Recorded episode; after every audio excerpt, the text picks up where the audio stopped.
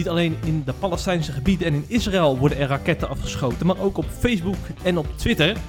En uh, wie ook op Twitter zit is Eppo Bruins, voormalig Tweede Kamerlid van de ChristenUnie, nu ZZP'er. En met hem gaan we natuurlijk over het conflict praten. We gaan ook nog een belangrijk artikel uit het Nederlands Dagblad bespreken. U luistert weer naar de CIP-podcast.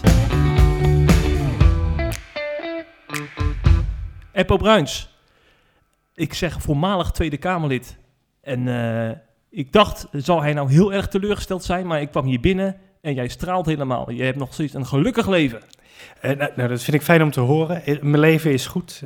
ik voel me gezegend. Het, we hebben het goed hier thuis. En ja, ik ben heel rustig over mijn toekomst. Ja, wat voor de mensen die jou niet kennen, je hebt jarenlang in de Tweede Kamer gezeten. Ja, ruim vijf jaar voor de ChristenUnie. Ja. En uh, een uh, mooi pakket mogen doen, uh, ook vooral met, met financieel-economische zaken, werkgelegenheid. luchtvaart deed ik nog wel eens wat aan, daar kennen mensen me ook van. Um, en, en ja, nu na toch bizarre vijf jaren eventjes thuis. En we zien wel of ik weer terug kan of, uh, of dat, dat, uh, of, of dat uh, God me wegen ja, ergens anders naartoe leidt. Ja, ja, spannend avontuur wat dat betreft. Zeker. Laten we beginnen met onze vaste rubriek. Dat is de ergernis van de week.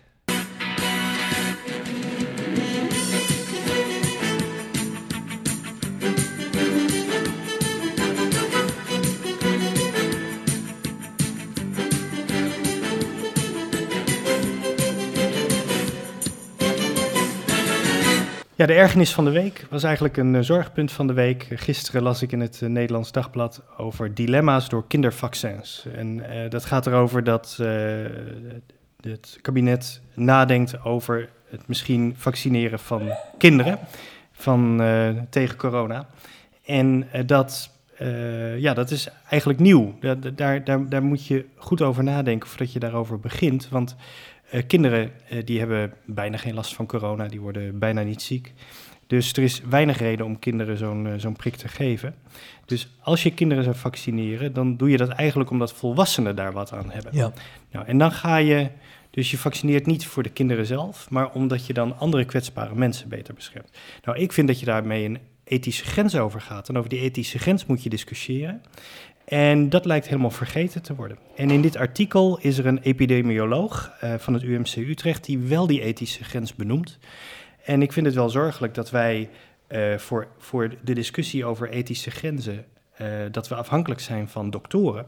Want ik vind dat dat ook typisch een politieke kwestie is. Waar liggen ethische grenzen nu precies?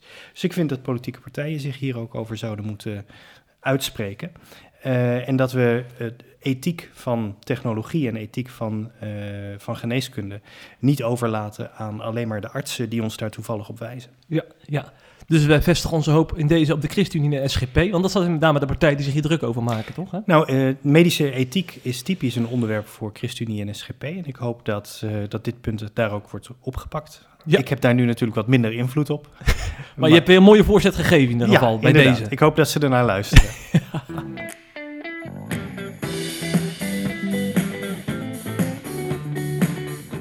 laatste nieuws uit christelijk Nederland bespreken we in de CIP-podcast.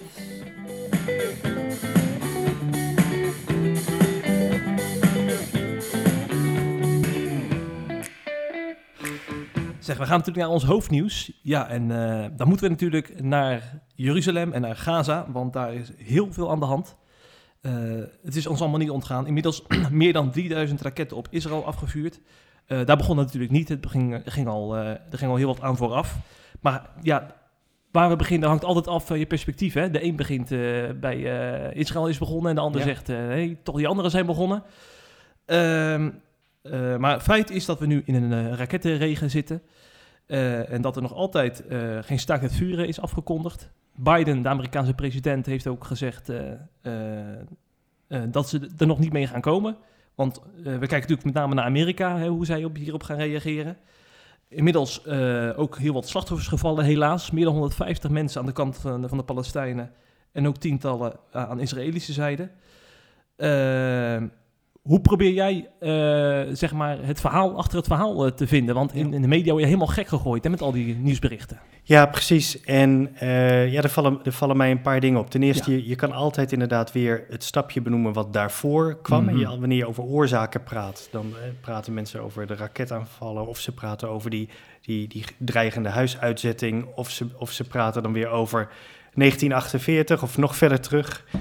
Um, daar, daar kom je in ieder geval nooit uit. Het tweede wat me opvalt is als je, uh, dat, dat je in de berichtgeving vooral of pro-Palestijns of pro-Israëlisch hoort. En als je genuanceerd probeert te praten, en dat probeer ik wel in dit onderwerp, dan word je eigenlijk van beide kanten, vinden ze eigenlijk dat je te veel aan de andere kant staat. Dus het is dus een heel gevoelig uh, onderwerp. Um, maar ik denk dat, dat waar we het over eens zijn, is dat dat geweld moet stoppen. Maar ja, dat vindt iedereen natuurlijk, dus dat is, dat is een beetje obligaat. Um, uh, maar maar het, is wel belangrijk dat, dat het uh, geweld stopt, omdat er dan weer gepraat kan worden. En zolang er heen en weer geschoten wordt, zal, zal praten gewoon heel ingewikkeld zijn. Ja, ja, ja. Voor mensen die denken dat wij hier het uh, Midden-Oosten conflict gaan oplossen, die moet ik zeggen, dan gaan wij hier niet regelen in Ermelo, bij Apple Bruins. Nee, dat gaat me vanuit Ermelo niet lukken nee. in 20 minuten. Nee. en voor meer achtergronden zou ik zeggen, luister bijvoorbeeld de podcast van Joop Susan en Esther Voet. Dat is even een tip die ik je wil meegeven. Dat is een dagelijkse podcast uh, vanuit Israël en vanuit Nederland met mensen die van de hoed en de rand weten. Wij maken natuurlijk een CIP-podcast en kijken ook naar het christelijke perspectief op de zaak. Want christenen ja, die zijn ook natuurlijk helemaal uh, met dit conflict bezig. Ja. Ook omdat Israël natuurlijk uh, het Bijbelse hartland betreft. Hè. Uh, maar je hebt natuurlijk ook een, een, een, groep christenen die heel erg voor de Palestijnse zaak opkomt. Vanwege ja, bijvoorbeeld hulpgelden die zij hebben overgemaakt. Ja, en, of gewoon de mensenrechten kwestie. Mensenrechten ja. kwestie. dat is heel begrijpelijk. Maar het gevaar is dat je daardoor ook in christelijk Nederland twee kampen krijgt. Ja. Zeker. Ik zie mensen, zie ik met een Palestijns vlaggetje op Facebook, zeg ik free, zie ik Free Palestina roepen. En aan de andere kant zie ik christenen met een Israël vlag. Bijvoorbeeld uh, donderdag naar Den Haag gaan voor een solidariteitsmanifestatie. En dan vraag ik me af, uh, hoe voorkomen we dat wij ook verdeeld gaan raken als christenen? Want dat is niet de bedoeling, hè? Nee, en, en volgens mij is het een, een kenmerk van dit conflict dat het uh, de christelijke wereld splijt. In die zin, het lijkt een beetje op, op de coronamaatregelen. Daar zie je ook dat dat eigenlijk dwars door kerken heen gaat, dwars door gezinnen, dwars door politieke partijen. Uh, en het is een, een, je zou kunnen zeggen, een geest der scheiding, of scheiding der geesten. Um, het, uh, en dat wat christenen uiteendrijft, is eigenlijk, zou je kunnen zien als een geestelijke strijd. En het hele onderwerp rondom Israël en het lot van het Joodse volk is, is, een, is een geestelijke strijd en drijft dus ook christenen uiteen. En dat is heel treurig om te zien. Ja. En, en we zitten in een tijd waarbij uh, berichtgeving steeds eenzijdiger wordt. Hè. Je zit al, alleen al door de sociale media kom je automatisch in je eigen uh, bubbel uit. Uh, Arjen Lubach noemde dat de fabeltjesfuik. Wanneer je een bepaald bericht kijkt, krijg je automatisch suggestie om een soortgelijk bericht te bekijken. En zo drijf je eigenlijk een, een fuik in, uh, van welke kant je ook, uh, ook komt. En dat is zorgelijk, want wat is de waarheid?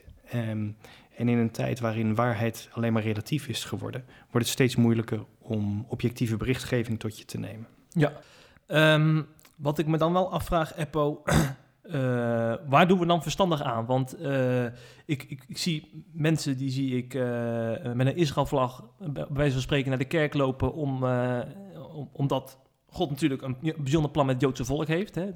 Dus, ja. dat halen we natuurlijk uit de Bijbel. Aan de andere kant zie ik ook mensen die zeggen, ja, we moeten vooral ook het onrecht aan de Palestijnse zijde benoemen. Want uh, God heeft ook een hart voor uh, mensen die, die lijden onder, onder corrupte leiders. Dus daar moeten we ook vooral voor opkomen. Waar, waar doen we verstandig aan? Of moeten we vooral zwijgen? Nee, ik denk dat we vooral moeten blijven praten en de dialoog met elkaar aan moeten gaan. En ik merk dat ik een dialoog aan kan gaan met mensen die aan de basis erkennen dat Israël bestaansrecht heeft. Uh, dat is voor mij dus ook een soort rode lijn.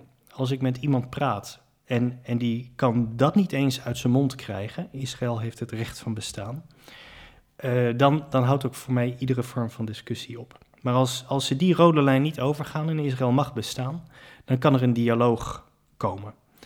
Wat ik van mijn kant altijd zeg, eh, ook om, om de hand te reiken naar de ander, is de Palestijnen zijn het slachtoffer van dit hele conflict. De Palestijnse bevolking, gewoon de, de mannen, vrouwen, kinderen op de grond. Maar, ze zijn, maar waarvan zijn ze het slachtoffer? Dat is de grote vraag. En ik heb het beeld uh, en de mening dat ze vooral het grootste, uh, het meest zijn ze slachtoffer van hun corrupte miljardair-leiders. Ja, voor de duidelijkheid, een, een van de belangrijkste Hamas-leiders zit in Qatar en heeft een, een bankrekening van 2,7 miljard volgens mij. Ja, ja het, het, deze miljardairs die leiding geven aan deze corrupte groepen en terreurgroepen, die hebben baat bij het instand houden van het conflict. Daar verdienen ze aan. Daar verdienen ze gewoon grof geld aan. Dus die hebben in stand, eh, het instand houden van het conflict en het instand houden van de haat tegen Joden, daar hebben ze baat bij. En, en het staat gewoon, het, het is een businessmodel, het is een verdienmodel. En zolang, zolang je uh, dat niet ziet, mis je een belangrijk stuk van, uh, van, van, het probleem. Want het is niet alleen maar religieus, het is niet alleen maar geopolitiek, het is ook gewoon geld en macht.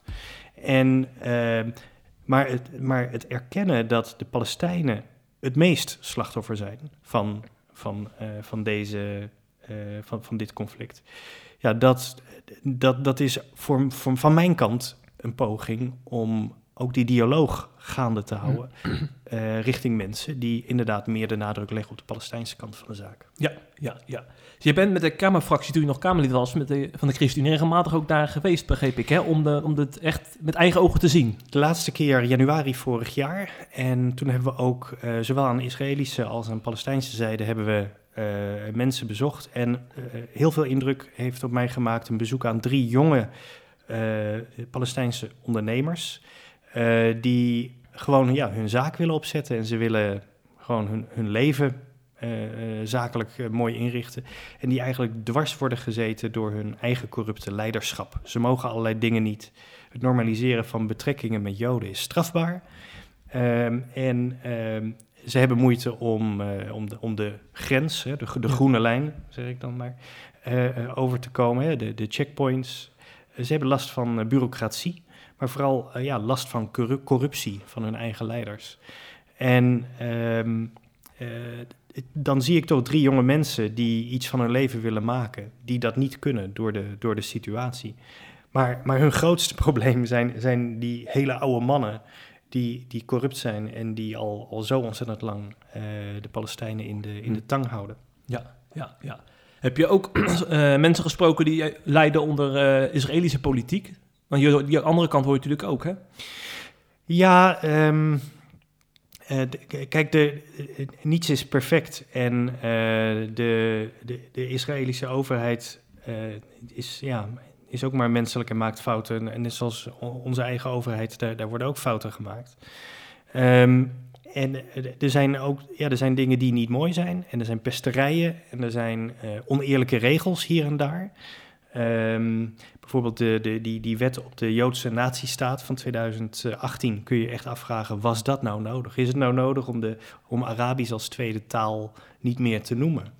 Dat, dat, um, ja, en ik vind dat uh, prima discussies. Uh, maar uh, de, het, het, grootste, het grootste probleem bij het instand houden van het conflict zit echt wel bij de Palestijnse leiders. Ja. Ik ben er echt van overtuigd dat als Israël een kans ziet om veilig en in vrede te leven, dat ze die kans met beide handen zullen aangrijpen. Hm, hm, hm. Ja.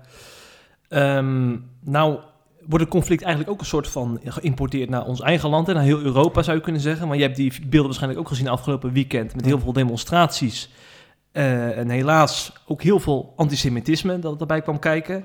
Uh, vreselijke leuzen als Heil Hitler werden er genoemd. Uh, Gaibar, Gaibar. Ja, leg dat eens uit. Wat, wat is dat? Ja, dat is, Gaibar is de, de plek waar uh, in de zevende eeuw na Christus, dus de islam kwam net op, een grote slachting onder Joden heeft plaatsgevonden door moslims.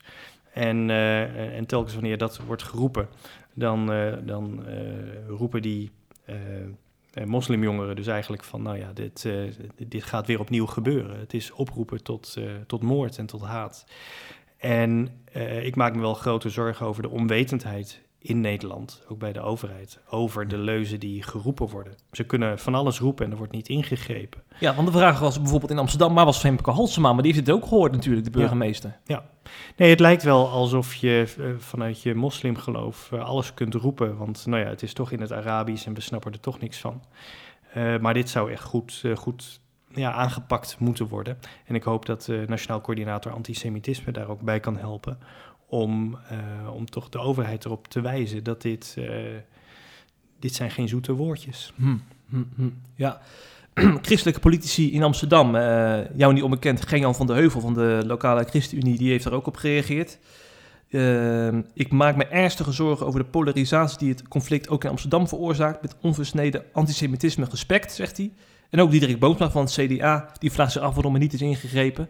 Dus uh, bij de christelijke partijen wordt het echt gezien, uh, valt me op. En dat, maar dat is toch een minderheid, laten we eerlijk zijn, ja. die hier zich druk over maakt. Ik, christelijke partijen worden steeds meer een kleine, kleine minderheid. En inderdaad, de grote meerderheid, uh, en zeker de linkerkant van het politieke spectrum, lijkt zich er niet druk over te maken. Um, en dat komt natuurlijk door die smoes die je telkens maar hoort, dat kritiek op Israël is geen antisemitisme. Um, Kijk, en kritiek op Israël, daarvan zegt iedereen dat moet kunnen. Ik zei net ook, ik gaf net ook aan een wet waarvan ik vind ja. dat, dat het jammer is dat die is aangenomen. Maar, um, maar uh, de, de kritiek op Israël is toch helaas vaak verpakt als antisemitisme. En dat onderscheid wordt niet gezien. En uh, dat, is, uh, dat is een soort blindheid aan de linkerkant van het politieke spectrum, waar ik me grote zorgen over maak. Ja, je had al in het begin van deze podcast had je het over geestelijke strijden. Wil ik toch nog eventjes uh, benoemen, want heel veel mensen snappen niet precies wat daarmee bedoeld wordt. Maar kun je dat nog eens toelichten, geestelijke strijd? Ja, geestelijke strijd, daar, daarmee bedoel ik dat je dat een... Um, dat, ik, dat is dan wel een geloofsuitspraak hoor, ja. maar dat, is, dat, dat, dat een strijd meer is dan wat je alleen maar op aarde ziet. Um, er gebeurt een heleboel op aarde, maar, maar in, de, in de hemelse gewesten uh, kan, je, kan je je voorstellen dat daar een afspiegeling is, een strijd tussen goed en kwaad. En dat dus iets wat op aarde gebeurt een diepere betekenis heeft als een fundamentele strijd tussen goed en kwaad. En wanneer je met zulke kwesties te maken hebt, dan zie je altijd dat, dat, er, dat er conflicten ontstaan, dat er, dat er scheiding der geesten ontstaat en dat er ook ruzie ontstaat binnen, binnen de kerk. En ja. dat, dat is voor mij een geestelijke strijd. Ja, ja, en het moeilijke daaraan is, is uh, dat het ook een beetje, dat het echt ongrijpbaar is, want het speelt zich boven ons af. Ja, ja dat is ongrijpbaar. En, en er zijn misschien ook mensen die, die dit horen, die denken van, joh, Bruins, wat, wat, wat praat je vaag. maar uh, dit, ja, dit is, uh, ik, her, ik, ik definieer dat soort diepe conflicten als een fundamentele strijd tussen goed en kwaad. En dat gaat dan dieper hm. uh, dan, uh, dan alleen maar voor of tegen de maximumsnelheid op, ja. de, op de autoweg zijn. Ja, ja, ja. Dat gaat gewoon dieper en, en, en is voor mij dan ook altijd een geloofskwestie. En ook iets waar ik in de politiek altijd um, ja, heel, heel strak en principieel op zat. Omdat ik daar geen compromissen kan, ja. kan sluiten. Zodra het een geestelijke strijd is, kan ik, kan ik niet uh, half zacht mm -hmm. uh, uh, tot een compromis komen. Ja. Er zijn zelfs mensen die zeggen van, juist omdat het een geestelijke strijd is, gaat het conflict in Israël nooit opgelost worden. Want je hebt natuurlijk allerlei heiligdommen van islamitische tak of van joodse tak die, die door elkaar heen lopen. En ja, zolang, zolang die twee religies bestaan, zal die strijd ook altijd blijven. Menselijkerwijs zie ik niet een, niet een, een, een oplossing. Kijk, we, we, we, praten, we blijven maar praten over de twee-staten-oplossing. Uh, maar, maar dat gebeurt ook om, omdat er, we zien... Ik, hij, hij, hij werkt niet, al 30 jaar niet, al 40 jaar niet. En hij lijkt steeds verder weg. Maar een andere oplossing lijkt ook ver weg. Dus ja, er is, geen, uh, er is menselijk gezien geen, geen oplossing voor dit conflict. Dus ja, als, als de Heer terugkomt, dan, uh, dan zal het anders worden. Maar, maar dat geloven de moslims ook, met hun Mahdi, met, met hun Messias. Dat hij in, in, in Jeruzalem zal, zal zetelen. Hm. Dus ja, het is, een, het is een heel ingewikkeld conflict. Dan laten we nog wat andere nieuwtjes bespreken. Nou ja, over andere nieuwtje. Eigenlijk is het een nieuwtje wat hier helemaal mee samenhangt. Uh, want over strijd en verdeeldheid gesproken. Binnen de protestantse kerk in Nederland wordt ook heel verschillend gedacht uh, hierover. En uh, nou zijn er vijf uh, predikanten die hebben opgeroepen om excuses aan te bieden aan Palestijnen. ze zijn van mening dat de kerk te weinig voor het leed van de Palestijnen is opgekomen, terwijl ze wel bijvoorbeeld excuses hebben gemaakt over een houding ten opzichte van het Joodse volk in het verleden en ook wel oog hebben voor de positie van, van Israël in die zin. Maar dat de Palestijnen blijven onderbelicht. En uh, een van hen is dominee Harmen Jansen. En hij zei in het Nederlands Dagblad...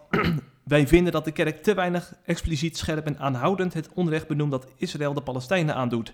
Dat is onevenwichtig ten opzichte van alle aandacht voor het Joodse volk. De kerk is te lang tekortgeschoten, daarvoor is schuldbeleidenis op zijn plaats. Moet ik er wel bij zeggen, uh, ze waren in de veronderstelling dat dit, dat dit uh, gepubliceerd zou worden Terwijl het nog rustig zou blijven in Gaza en Jeruzalem. Ah, Dus het was niet getimed, maar het kwam zo toevallig samen. Ja. Dus het is wel ongelukkig natuurlijk. Uh, ja, dit zet, dit zet het wel in een bepaald uh, licht. Maar tegelijkertijd denk ik dat deze dominee niet zijn woorden opeens zou terugnemen. Want nee, ik, ik, denk dat dit alle beelden die hij op televisie ziet alleen maar zijn, zijn beeld bevestigen. Ja, um, ja ik, um, ik vind het een hele rare oproep. Uh, de, de gedachte dat de kerk te weinig zou praten over uh, de, de, de, rechten van Palestijnen of wat, wat Palestijnen overkomt. Um, het, wat ik merk in dit conflict is dat mensen die wat meer hangen naar de Israëlische kant, vinden altijd dat die kant onderbelicht raakt. En mensen die wat meer hangen naar de Palestijnse kant, vinden dat die kant onderbelicht blijft. En um, dus het, het hangt heel erg af van de gekleurde bril die je zelf op hebt. En met een geestelijk conflict heeft iedereen een gekleurde bril op. Um, en, en, en, en je kijkt door die bril heen. En ik vind dat deze vijf dominees kijken door hun bril heen. En vinden dus altijd dat de Palestijnse kant te weinig aan bod komt. In de kerk, in de media. Dat zullen ze overal vinden.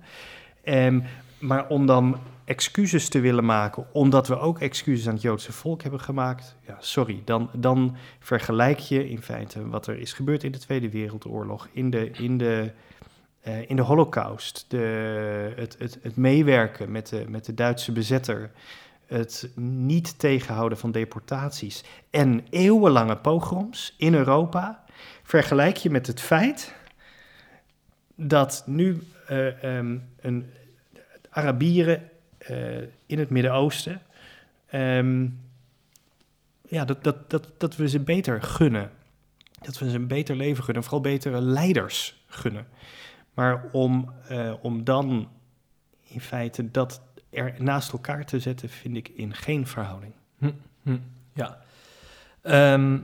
Om, om een beetje te kunnen inleven ook in deze mensen. Ik weet wel, uh, ik, ik, ken ook een dominee die, die, die uh, het wel zal onderschrijven. En die zegt ook altijd wel van, hè, vanuit een theologische bril...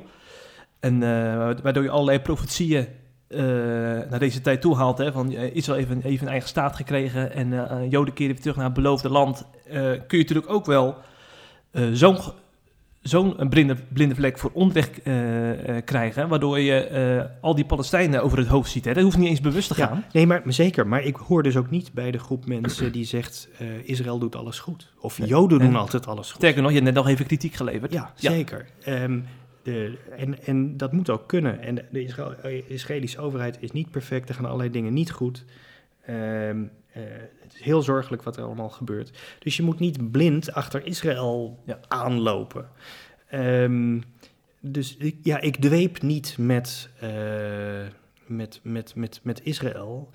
Um, maar de, de warme band met het Joodse volk is voor een christen volgens mij onmiskenbaar. Daar kan je niet omheen. We, hebben, we, zijn in feite een Joodse secte als christendom. We komen uit het Jodendom voort. We hebben een Joodse Messias. Um, en uh, het boek waar wij ons leven op baseren is geschreven door louter Joden. Of opgeschreven uh, door uh, woorden van Joden.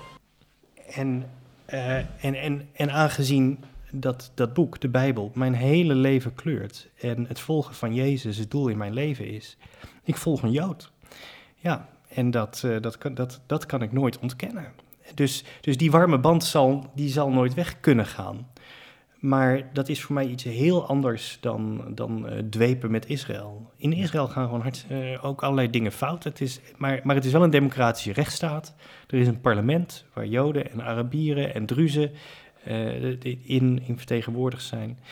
Uh, het, het, het, land werkt, uh, werkt redelijk naar behoren. En, en en het, het, is wel het enige land in het Midden-Oosten dat redelijk naar behoren werkt.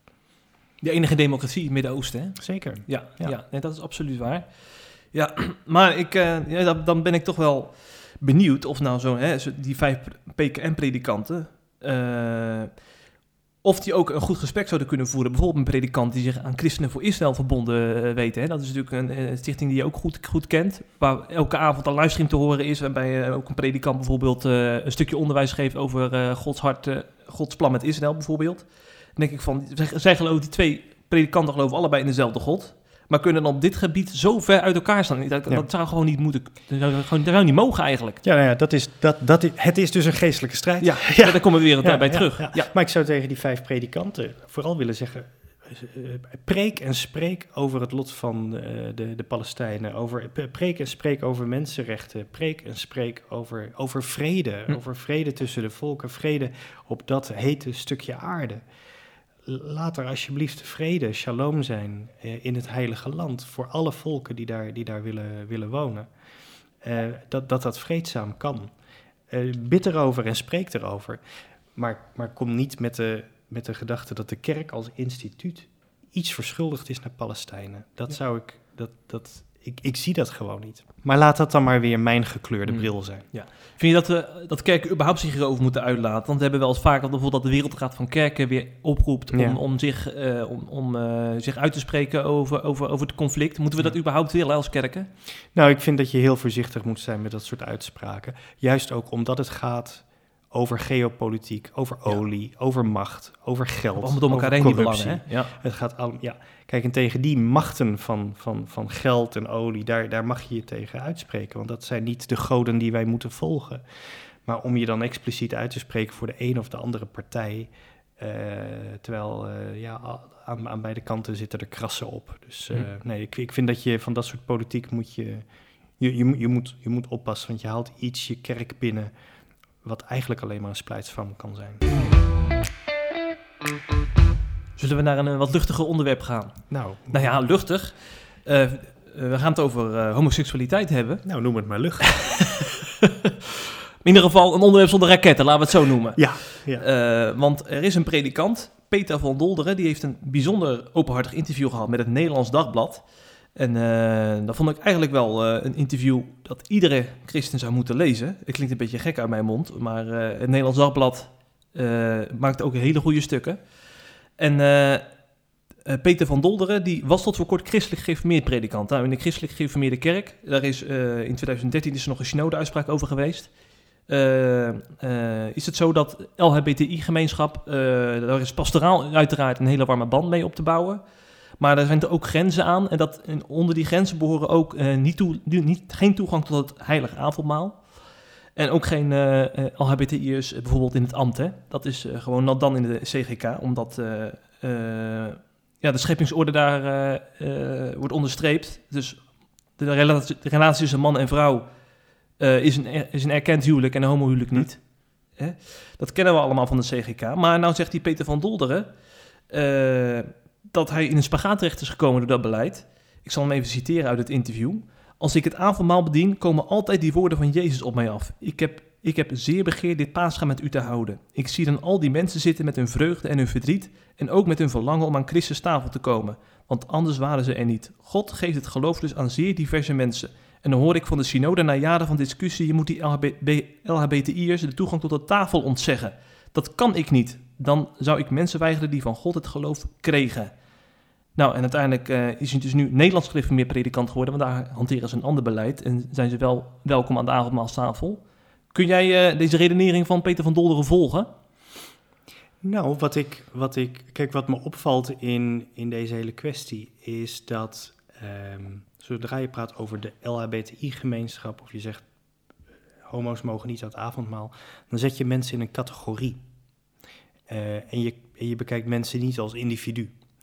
En eigenlijk doe je dan, het, het, uh, dan doe je iets fout, wat uh, sommige politieke partijen ook inderdaad fout doen. Uh, namelijk inderdaad iedereen in, ja, over zo'n LHBTI kan scheren.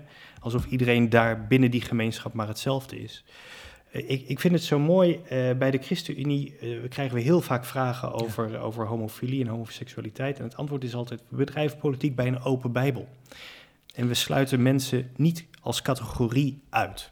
Nou, en ik vind dat, dat uh, kerken iets kunnen leren van zo'n uitspraak.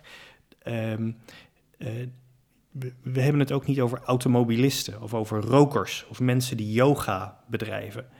Um, je, moet, je moet nooit mensen in een categorie stoppen, maar je moet één op één met ze praten en, en hun hart toetsen. Hm. Dus in feite bij een open Bijbel een goed gesprek hebben. En niet voor. Ik, ik, ik, ik heb er moeite mee om vooraf categorisch mensen vanwege bepaalde gedragingen of zonden te zeggen: ja, dan kan je wel aan het avondmaal en dan kan je niet aan het avondmaal. Dan ben je uh, hokjes aan het maken. En mensen in hokjes en vakjes indelen is, is iets waar ik persoonlijk grote moeite mee heb. Ja, ja. Maar goed, tegelijkertijd ken ik ook wel al die CGK'ers die, uh, uh, die er anders in staan. Dat zijn ook allemaal natuurlijk oprechte christenen die ook zoeken naar uh, hoe, hoe de Bijbel nou hierover spreekt. En dan denk ik van ja, blijkbaar komen zij tot een andere conclusie. Maar wil het nog niet zeggen dat zij niet heel bewogen met deze groep mensen kunnen zijn hm. die, die worden afgewezen in de ogen van Peter van Dolderen. Ja, nee, het um, bewogenheid met een, met een ieder uh, is, is, goed. En ehm, het, mijn punt is dat, dat de kerk als instituut ja. bij dit soort regels automatisch dus scheiding tussen mensen maakt. Mensen in categorie A of B indeelt. Ja. En dat vind ik heel ingewikkeld. Terwijl ik heb, ik heb begrip voor christenen die, die homoseksualiteit zien of ervaren als een zonde. Ik heb begrip voor, voor, uh, voor mensen die, die, die, die daar moeite mee hebben. En tegelijkertijd moeten wij nou juist niet mensen in een categorie indelen. Dat doen, ze, dat doen linkse partijen al genoeg door het een LHBTI-gemeenschap te noemen. Uh, en, en mensen dus een hokje L of een H of een B of een T of een I of een Q of een A. Ja, wordt het steeds meer. Of een P. Ja. Dus het, het is het categoriseren van mensen. En volgens mij is dat iets. Het categoriseren van mensen is iets duivels. En het, het, het maken van onderscheid. Zodra Adam en, en Eva van de vrucht aten, gingen hun open ogen en ze zagen dat ze verschillend waren. Ze gingen zichzelf in een categorie plaatsen. Een verschil wat hen eerst niet was opgevallen. En het maken van categorieën van mensen is iets heel erg kwalijks. En daar zou de, de, de kerk in ieder geval ver weg van moeten blijven. Je moet altijd mensen als persoon uh, hun hart toetsen en hoe hun geloof is. Um, en, en ja, daar hoort ook gedrag bij en daar horen vruchten van de geest bij. Maar dat is altijd een uitgebreid gesprek. En niet omdat je tot een bepaalde categorie ingedeeld wordt, dat je wel of niet aan het avondmaal mag. Ja.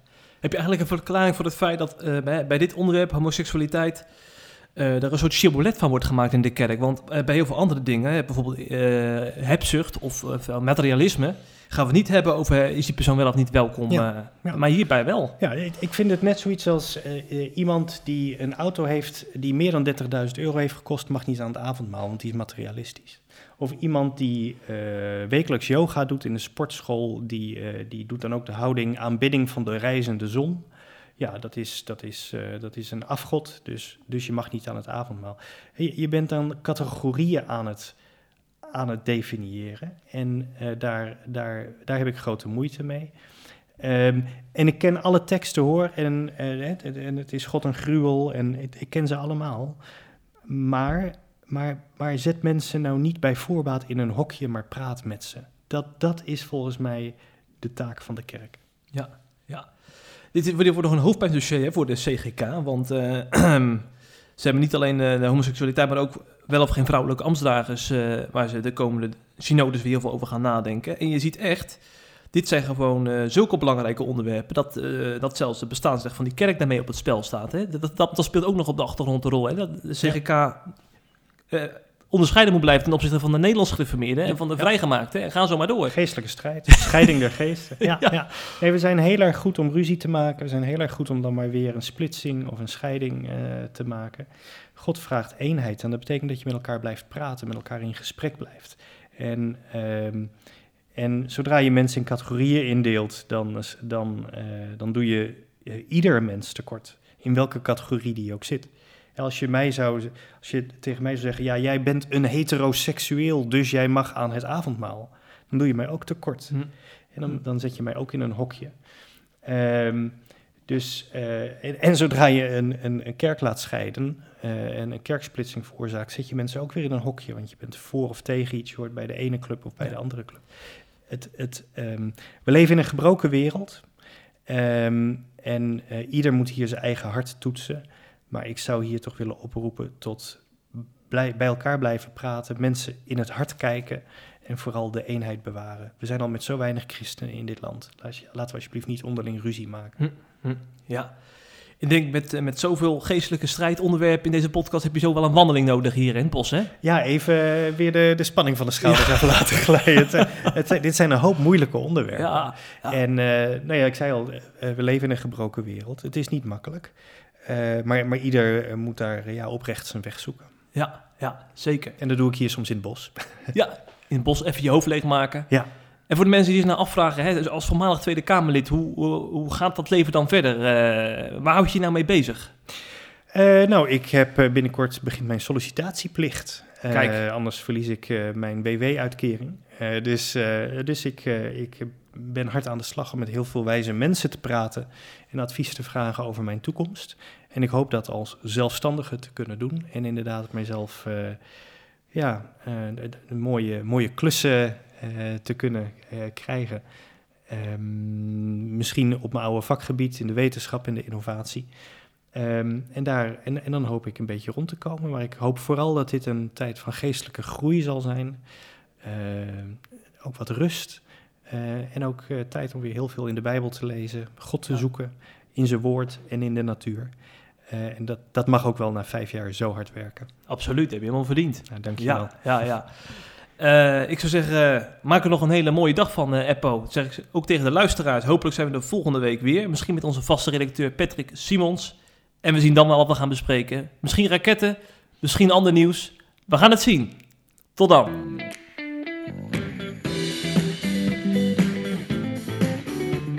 Je luistert naar de CIP-podcast. Volgende week weer een nieuwe aflevering. Wil je onze artikelen lezen? Ga naar cip.nl en word CIP Plus lid.